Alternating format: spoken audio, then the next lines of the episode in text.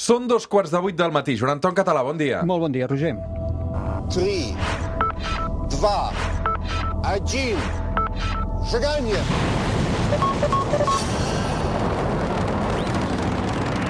One small step for man, one giant leap for mankind. Joan Anton Català, com estem? Bé, anar fent en- dins d'aquesta infinitud de l'univers. A veure, avui, avui la cosa es complica una mica. veuràs com Matemàtiques. No. Eh, home, Matemàtiques, Fàcils. avui. Ui, les matemàtiques, pels que som de lletres. no, però això no, no, no, ja veuràs, és fàcil, és fàcil. Això és La Terra es plana, cada diumenge a l'hora que surt el sol amb el Joan Anton Català, mirem cap al cel, parlem de ciència, parlem d'astronomia, parlem de física, parlem de quàntica, parlem de química. Avui parlem de matemàtiques, en concret d'un concepte força abstracte que sovint fem servir molt fàcilment, molt a la lleugera, però que realment costa d'entendre i de concebre. Avui parlem de l'infinit.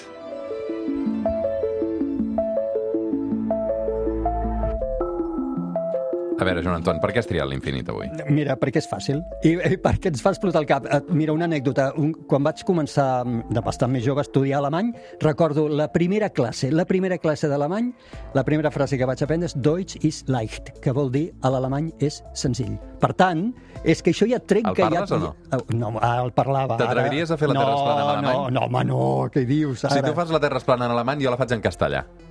Home, ho tens molt més fàcil. Doncs no, no, crec que no és justa aquesta aposta i no te l'agafaré, aquesta aposta. D'acord. Uh, però si me la compliquessis una mica, um, igual algun dia te En quin idioma vols que te'l faci, va? Um, ja me'l pensaré. D'acord.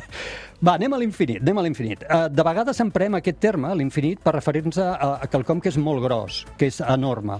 Uh, però és que l'infinit és molt més que una cosa grossa. Vol dir uh, exactament que no té límits. Per exemple, a vegades diem, quants granets de sorra hi ha a totes les platges de la Terra? Infinits? No, no, no. Infinits no. N'hi haurà bilions, n'hi haurà trilions, no sé quants n'hi haurà, però no és infinit. Infinit, de fet, ara veurem, no és un número. No és un número. És un concepte. Un concepte que vol dir que no té final, que no s'acaba mai. Val? Uh, és un concepte que ja ens ve de l'antiguitat, alguns pensadors grecs, aquests tios pensaven moltíssim en coses com aquestes, no? filosòfiques, parlaven, uh, però no introduïen ta, el concepte infinit tal com avui el, el coneixem exactament. Per exemple, el primer registre històric que sembla que tenim prové d'Anaximandre, entre el segle VII i VI abans de, de Crist, que ell va utilitzar un terme que es deia apiron, que vol dir sense llindars, una cosa que és indefinida. En canvi, sembla que Aristòtil pensava que aquest concepte d'infinit no era possible. I alguns historiadors pensen, no està clar, no? però interpreten que potser aquest, aquesta línia de pensament d'Aristòtil va fer que molts pensadors grecs posteriors varen evitar emprar aquest concepte d'infinit. Eh? I alguns historiadors sostenen que fins i tot això sembla que els provocava una, un cert temor en aquells pensadors, no? Diríem, imaginar-se que hi hagués alguna cosa que pogués existir tan, tan grossa que no tingués límit. Els matemàtics indis també sabem que empraven aquest eh, concepte i alguns d'ells ja parlaven de números de diferents tipus de números, els números que en deien numerà, numerables, els innumerables i els infinits. Eh? Per tant, ja és un concepte que ens ve de l'antiguitat. Um, escolta'm, el símbol l'hem vist moltes vegades, Sí. uh, aquesta espècie de llaç en forma de, de buit girat. D'on surt aquest símbol? Es diu lemniscata, ara, ara et dic, va ser introduït per primer cop al, al segle XVI pel sacerdot i matemàtic eh, britànic John Wallis. Ho va fer l'any, exactament ho va fer l'any, al segle XVII, perdona, perquè ho va fer l'any 1655, en una de les seves obres. Se li diu també lemniscata en aquest símbol perquè té una forma similar a un tipus de corba matemàtica que es diu així. Val? Per tant, és aquest, que ara ho, tots ho tenim al cap. Eh? I ara no puc parar de dibuixar-lo aquí al Eh, mira, paper. mira, ja et veig, Sí, ja però et em veig. surt fatal. Sempre. És que mai l'he sabut fer, aquest buit al revés. No, doncs és, és... Mira que vaig fer uns anys d'economia, eh, jo, però no, ah, mira, home, noi. Home. Fem part de dibuixar infinits. Economia no sé si es dibuixen gaires infinits. Alguns sí, eh? Sí? Es sí, sí no, com... Bueno, fas molta matemàtica, també, Val, economia. val. Aleshores, Molt eh, ni que sigui per tenir una base... Doncs perquè t'espantava tant Bueno, per, aquest perquè al final em vaig deixar l'economia i em vaig dedicar al periodisme. Aquí tens Bona, la bona. resposta. Bona. Uh, a veure, aquí la cosa ja ens comença a patar el cap quan diem infinit mm. més 1. Vale. Què és infinit més 1? Doncs és un infinit, també.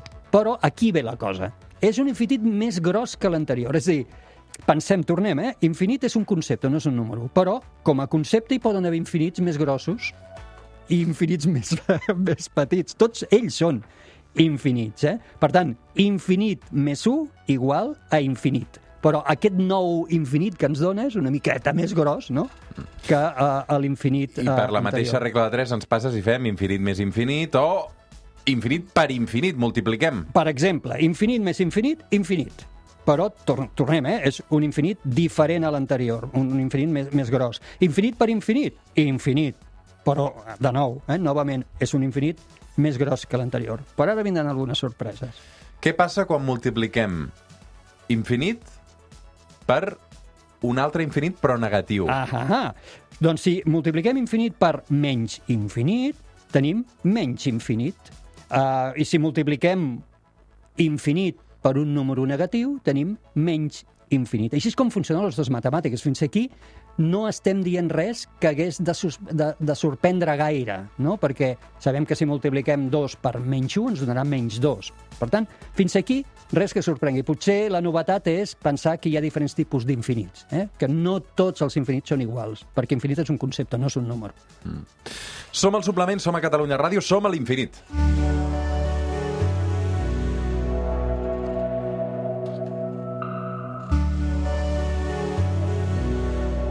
A veure, fins ara... Ara, ara ho compliquem, ara ho Sí, compliquem. ara estic llegint això i dic, bueno, Va, va, ja vinga. començava a fer campana jo. Què passa quan en comptes d'un valor X juguem amb el 0? El 0 sempre ens fot molt la punyeta les matemàtiques, eh? Sí, no, Aleshores, no, però a veure, per exemple, què és 2 per 0? 0? Sí. Aleshores, si multipliquem infinit per 0, també 0? No, ja, ja. Ah.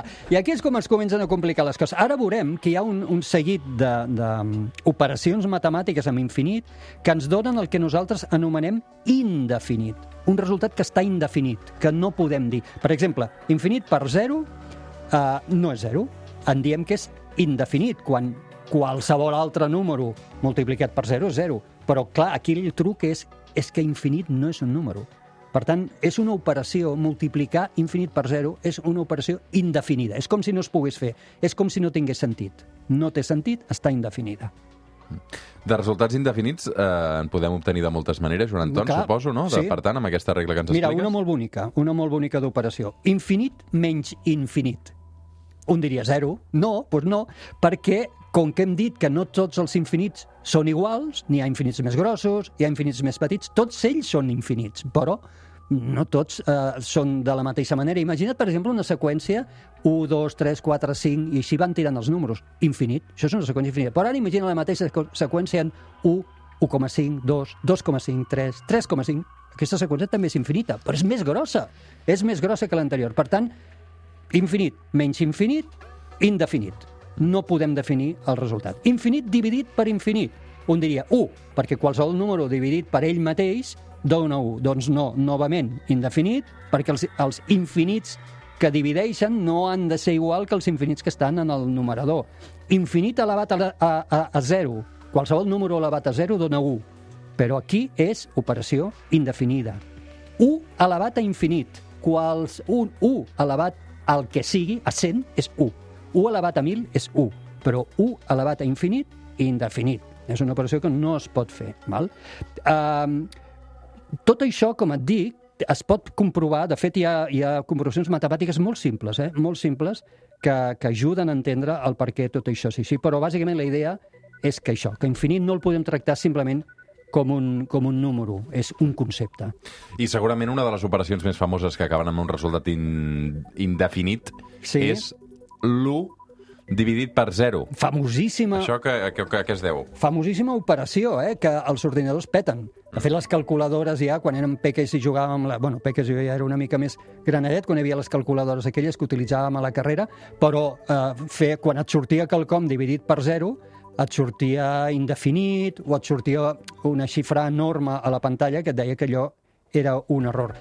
Aquí l'error que realment cometem és quan diem a què és igual 1 partit per 0? I diem infinit. No, no és infinit. No, no, això no dona infinit. És una operació que també està indefinida.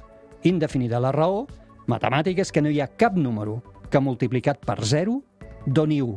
Quan tu divideixes, 4 dividit entre 2 és 2, perquè si agafes 2 que estava en el denominador i ho multipliques pel resultat per 2, et dona 4. Això és la divisió, no? Però no hi ha cap número que multiplicat per 0 doni 1, de manera que 1 partit per 0 és indefinit. No és ni infinit, és simplement no té solució. És una cosa que no té solució, però que hem caigut amb el parany de dir 1 partit per 0 és infinit. Molta gent ho diu. No, no, no. Simplement és indefinit. Recordo que eh, fa la temporada passada segurament vam dedicar un capítol a les paradoxes Sí. i l'infinit en donava unes quantes de Oh, paradoxes. tant, molt xules. Eh? De, el Zenó en té vàries. El Zenó. Zenó en- té, en té, crec que un parell o tres, aquí en, en te'n comentaré dues, relacionades amb, amb l'infinit, de, que, que ja quan fèiem el tema, el capítol de les paradoxes, era una, de, una dels exemples era la cursa entre Aquiles fent una, una cursa contra una tortuga. Eh? I l'heroi diu, va, va, et donaré, li diu a la tortuga, et dono 100 metres d'avantatge, i es comença la cursa. Passat un cert temps, Aquiles arriba a on es trobava la tortuga, però en aquell temps que Aquiles ha trigat en arribar a recórrer aquests 100 metres, la tortuga ha avançat una mica rona. Bueno, continua passant el temps i Aquiles, quan arriba en el nou lloc que ocupava la tortuga, la tortuga ja és una mica més endavant. I així, un podria tirar de pensament i dir, ostres, mai no atraparà Aquiles a la tortuga. Això és una sèrie infinita. Sempre que Aquiles arriba a on estava fa un microinstant la tortuga, la tortuga està una mica rona més endavant. Per tant, segons aquesta aparent paradoxa, Aquiles mai no hauria d'atrapar a, a la tortuga. No? I una paradoxa molt similar de Zenó és, suposem que volem recórrer 100 metres. Per recórrer 100 metres, primer hem de recórrer la meitat del camí. Després hem de recórrer la meitat del meitat de la camí. Després hem de recórrer la meitat de la meitat de la meitat del camí. I això és una sèrie infinita que, segons això, també sembla com si mai no poguéssim arribar al final d'aquests 100 metres. Són, evidentment, paradoxes una mica naïf, una mica ingenues, que resolen entenent com funciona realment la física i entenent que, diríem, un pas d'Aquiles o un pas teu um, no el pots fer infinitament petit, aquest pas obligadament eh, ocupa l'espai que ocupa i, per tant, al final, evidentment, sabem que sí que arribes a trobar la, tortu la tortuga, sí que arribes a recórrer els 100 metres. I l'altra paradoxa? Ah, que això m'encanta. La de l'hotel de Hilbert, el vam explicar, m'encanta. Uh, I Hilbert ho feia per um, parlar d'aquest concepte de l'infinit. Imagina't que um, estàs regentant un hotel amb infinites habitacions i les tens totes ocupades. Infinites habitacions ocupades per infinits clients. I inesperadament al mig de la nit t'arriba un nou client i et demana habitació. On el poses? Li pots donar? Um, en principi dius no, perquè no hi ha final. Com que és una sèrie infinita d'habitacions, no hi ha un final on jo el pugui posar a la darrera habitació. No hi ha una darrera habitació. Però mira, sí que resol el tema, ho dic per si mai et passa, el que has de fer és demanar-li a tots els teus infinits clients que avancin una habitació, que es canviïn a l'habitació següent, de manera que el que quedarà lliure és la primera habitació on podràs posar aquest nou client. Òbviament tindràs queixes d'infinits clients que se't queixaran, però el podràs posar. Fixa't quin concepte més xulo per resoldre la paradoxa. No tots els infinits són iguals, ho dèiem abans, n'hi ha de més grossos i n'hi ha de més petits. Aquí estàs afegint un 1 a l'infinit. Tornes a crear un altre infinit, val? però crees, ho pots fer, ho pots fer movent uh, aquests clients. I si en lloc d'un client te n'arriben infinits, doncs fas el mateix. Però llavors el que els dius als clients és que en lloc que es moguin a l'habitació següent, que es moguin dues habitacions següents, de manera que sempre en quedi una entremig d'infinites habitacions i allà és on posaràs els teus nous infinits clients. És el que dèiem abans, sumes números a un infinit per fer un infinit encara més gros. Me'n recordo d'aquest, perquè recordo que, sí, que el cap em va acabar de- d'explotar. Va, però no, però si ho, si ho caviles una mica sense que et surti gaire, gaire fum, que si no, no es dorm a la nit, però no és, no és gaire, gaire difícil, no? Perquè imagina que hagués de resoldre'l realment. No hi ha un final on tu un- una cua d'habitacions, perquè és infinita. Bueno, has de fer que sí que hi hagi una habitació concreta que quedi lliure, la primera, a base de moure els, els altres, no? Avui amb el Joan Anton Català, l'infinit, un terme, un concepte que ens fa pensar. Realment les coses infinites existeixen? Ah, ah, ah. En matemàtiques sí, però perquè és un concepte, ara ho dèiem, eh? perquè és un concepte, però la qüestió és, hi ha la natura i al nostre món real existeixen les coses infinites. La primera cosa que potser et ve al cap és l'univers, el concepte d'univers.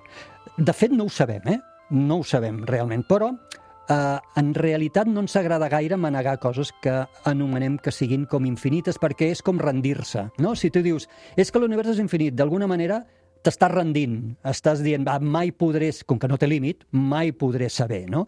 I en realitat potser ens agrada més un concepte d'univers que no està del tot acceptat, perquè, torno a dir, no sabem en realitat com és l'univers, però que jo utilitzo molt que diem que el nostre univers seria finit però il·limitat. Finit vol dir que tindria una mida determinada, però no té límits. No arribaries a cap lloc on hi hagués un cartell que et digués benvingut a la fi de l'univers i a partir d'allà saltessis i caiguessis de l'univers. Seria com una formiga que gira, que recorre un globus, la superfície d'un globus, eh, o d'una pilota, i torna a arribar al mateix lloc. Mai no sortirà del globus, mai no arribarà un cartell que digui acabes d'arribar a la fi de l'univers del globus, sempre tornarà al mateix lloc. Però, eh, per tant, no té límits, però és finit. Té una mida aquella pilota, té una mida aquell globus. I aquest és una mica el concepte que, que maneguem més fàcilment de l'univers. Uh, hi ha un concepte d'infinit que també ve de la possibilitat, ho vam parlar a la quàntica, quan parlàvem de la quàntica en un programa dedicat, que dèiem la quàntica permetria, en teoria, infinites realitats que hi hagués infinites realitats a les quals tu i jo només n'estem recorrent una alhora, però que alhora, en aquell mateix moment, s'estan desplegant infinites realitats que totes elles estan passant. Era el gat viu i mort, que eren dues realitats, no el gat de Rodinger, però això mateix amb infinites eh, realitats. Per això no sabem si és així. En matemàtiques sí, ja ho hem comentat, en matemàtiques s'utilitza el concepte infinit, però no tenim clar que la natura això de l'infinit realment existeixi. T'anaven bé totes les matemàtiques de petit, eh? Sí, a mi m'agradaven molt. Ja Sobretot quan les entens, quan, quan els hi trobes utilitat i comences a calcular, per exemple, m'encantaven els, els exercicis de tir parabòlic, mm. on hi havia un canó que tirava una bola, no? I, i havies de calcular a on arribava aquella bola. Ai, jo trobo una... No sé, m'agradava molt la utilitat pràctica, no, no per tirar canonades, eh, que saps que no m'agraden aquestes coses, però sí per viatges espacials i altres coses, entendre aquests tirs parabòlics. Quan entens realment per què serveixen les mates, les arribes a estimar. Gràcies, Joan Anton. A D'aquí una estona repassem eh, les sortides del sol. Fins ara. Ah, fins ara. Fem una pausa i ara tornem.